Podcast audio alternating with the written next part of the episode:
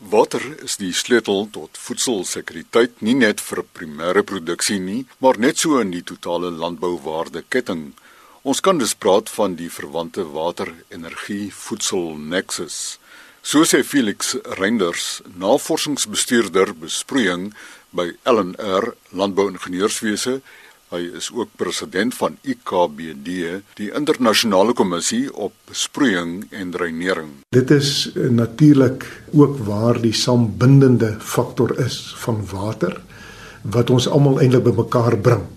Met ander woorde, in tye van skaarste het ons almal 'n verantwoordelikheid om water eerstens oordeelkundig te gebruik, tweedens doeltreffend en dan derdens produktief te gebruik. Met ander woorde, ons moet water slim wees. So as mens nou praat van misbruik en en dit kom ongelukkig voor in al die bedrywe, dan praat ek nou van die industrie of die bedrywe, ons praat van mynbou, ons praat van huishoudelike gebruik. Ek dink nie buiten die Wes-Kaap besef ons wat dit is om 87 liter per persoon per dag te gebruik nie. As mens dit in eenvoudige terme gaan uitdruk en mens gaan lees die meter daarvoor in die in die straat wat die munisipaliteit vir jou die rekening stuur, dan beteken dit as ek twee mense in 'n huishouding is en ek gebruik net 100 liter per dag per persoon, dan beteken dit nou twee persone is 200 liter. Maal met die 30 dae, dan is dit 6000 liter maksimum wat ek mag gebruik. En die gemiddeld van Pretoria byvoorbeeld staan op hierdie stadium op 292 liter per persoon per dag. So ek dink daar is 'n groot mate van misbruik of wananwending of nie werklik spaarsamig te werk gaan nie. As mens na die landbou gaan, hoe gaan ons as boere te werk in terme van daai presiese plasing? Ons praat van skedulering van water. Met ander woorde, weet ek wat die plant nodig het en gee ek vir die plant die regte hoeveelheid om dan optimale produksie.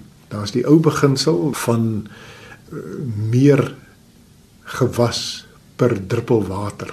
En dit is waar die produktiwiteit inkom. Met ander woorde, as ek kan meet hoeveel kilogram ek produseer het per liter water, dan gee dit my aanduiding hoe doeltreffend is ek. En ongelukkig is die syfer sodanig dat dit nie altyd goed lyk nie. Meer en meer word daar werk in hierdie verband gedoen. En wat interessant is, ek dink ons luisteraars sal dit ook 'n bietjie meer waardering daarvoor kry, is dat byvoorbeeld om een appel te kan gee vir 'n individu om te eet, gebruik soveel as 70 liter water om te produseer as ek die koppie koffie wat ek vanmôre gedrink het met die melk en die suiker en hy koffiepit wat eers in 'n land gegroei het en geoes is en uh, vir my gemaal is om koffie te gee vat dit 'n totaal van 140 liter water om een koppie koffie te kan aanbied. Mense dink een een eenvoudig iets soos 'n glas melk.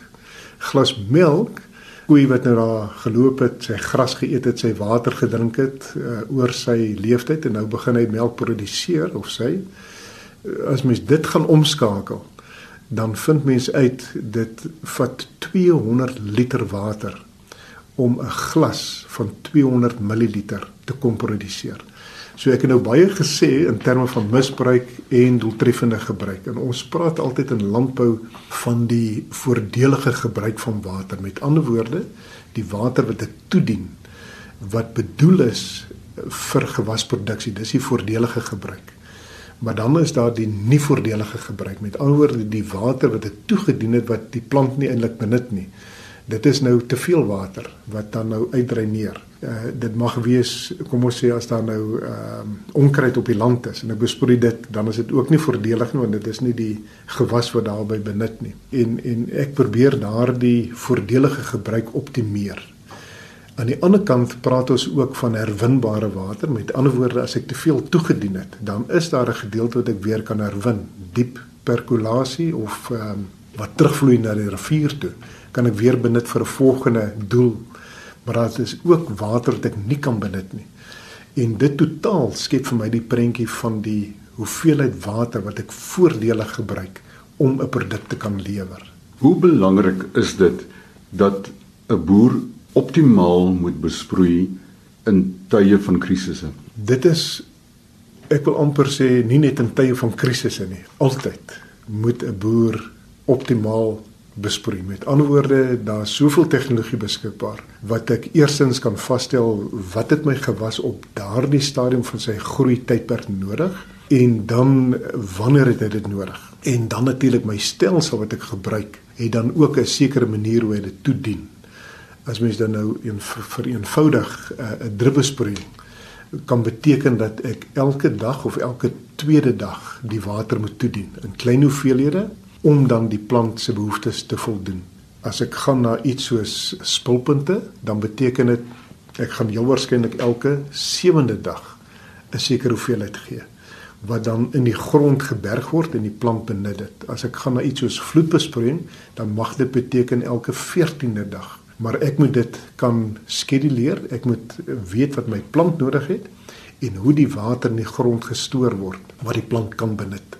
En daar is soveel goeie tegnologie beskikbaar om te meet wat is atmosferies nodig, wat het die plant nodig en wat gaan in die grond aan om dan die optimale besproeiing te kan gee.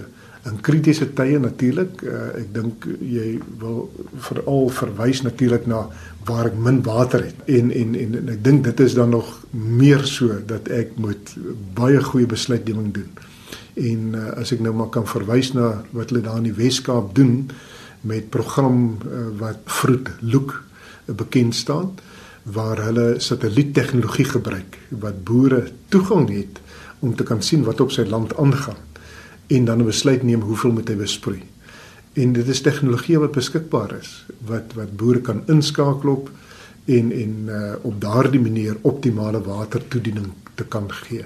Felix is die bou van meer damme en meer boorgate deel van die oplossing? Mens kan sê dit kan 'n deel van die oplossing wees, maar mens moet onthou, uh Suid-Afrika se gemiddelde reënval is in die orde van 495 mm per jaar. Daar's nie meer nie, daar's nie minder nie. Ons kan natuurlik van jaar tot jaar natuurlik soos wat hy siklies voorkom, is daar party jare meer millimeters wat val, ander jare minder. Maar oor 'n termyn van sê nou maar uh, 100 jaar, 50 jaar, 25 jaar natuurlik is die minimum wat ons klimaat kan beskryf, gee vir ons 'n gemiddeld van 495. Met alhoewel die water wat val, wat afloop, dit is wat ek kan opdam. Tans is daar so oor die 4000 damme in Suid-Afrika waar reeds studies op gedoen is waar die nodige uh, kom ons sê maar verlei of 'n plek is waar ek 'n dam kan bou en uh, dan kan hy opgegaar word. Dit sluit in 'n totale langtermynbeplanning, studies en so meer hidrologie uh omgewings uh, impakstudies wat gedoen word en so meer en en so byvoorbeeld as mens nou neem Gauteng wat eintlik maar die ekonomiese huis is van Suid-Afrika. Hy het nie eintlik water nie. Uh sy water kry hoofsaaklik uh, van die Valrivierstelsel wat 'n baie klein rivier as ek dit so kan noem. Baie van ons water is maar Oranje rivier water wat via Lesotho deur die Lesotho Hoogland projek geherkanaliseer word terug na die Vaalrivier toe om water te voorsien. Die Lesotho Hoogland projek het alreeds hier in die 90's begin fase 1 1997 versientheid van die ingenieurs en hulle het dan fase 1 voltooi wat deur middel van die Mohale dam en die Katsi dam water herlei terug na die Vaalrivier toe. Fase 2 moes al in 2012 begin gewees het as gevolg van verskeie vertragingsprosesse uh gaan hulle eers moontlik volgende jaar begin. Dit is nou 7 jaar later wat beteken dat uh die eerste water van die uh volgende fase eers in 2025 na Gauteng herlei kan word. Damme ja, in sekere gebiede is daar nog moontlikhede dit's duur. Daar word gekyk. Glen William Dam is 'n ander voorbeeld wat reeds baie jare terug gebou word, e gebou was en om te kyk na die verhoging. Spaar 'n druppel vir môre is met ander woorde die uitgangspunt van ons gesprek vanoggend. Absoluut. Uh die beginsel van elke druppel tel word al hoe meer en meer krities. As mens nou maar 'n bietjie gaan kyk na die hoeveelheid hektare wat onder besproeiing is. Uh, internasionaal praat ons so van 300 miljoen hektaar. Die totale hoeveelheid hektare wat bewerk word waarop produksie plaasvind is so 1534 miljoen hektaar. Met ander woorde besproeiing is maar 'n klein persentasie van die totale hektare. Nogtans op daardie 19% besproeide area word bykans 40% van die landbouproduksie verbou. Suid-Afrika presies dieselfde ons bewerk so 16 miljoen hektaar en daarvan word so 1.6 miljoen hektaar besproei. So ons praat daarvan 'n 10% en dit is ook oor die 30% wat die produksie dan lewer van daai klein area. Met ander woorde, daardie druppels moet reg aangewend word. Hulle moet reg bestuur word om dan hierdie produksie en wat mens wel bekommer, die hektare per individu internasionaal en plaaslik word minder waarop voedsel geproduseer kan word. Die hektare waarop besproeiing beoefen word, word minder Nou die vraag is hoe is dit moontlik?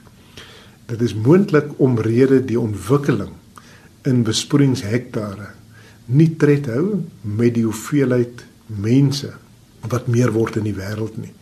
So ons was op 'n stadium 2012 as ek dit reg het, 7 miljard mense. Ons is nou al oor die merk van 8 miljard mense en die voorspelling is hier na 2030 dat dit hier by 'n 10, 12 miljard mense kan wees met Afrika wat die grootste groei gaan toon in mense. So erns sal meer voedsel geproduseer moet word, water meer beskikbaar moet wees vir landbou om volgehoue produksie te kan verseker. Felix Reinders heg 'n besondere betekenis aan water. Hy is navorsingsbestuurder besproeiing by LNR Landbou-ingenieurswese en ook president van die internasionale kommissie op besproeiing en dreinering. Sy e-posadres reinders@arc.agric.za. daarmee groete, geniet die naweek.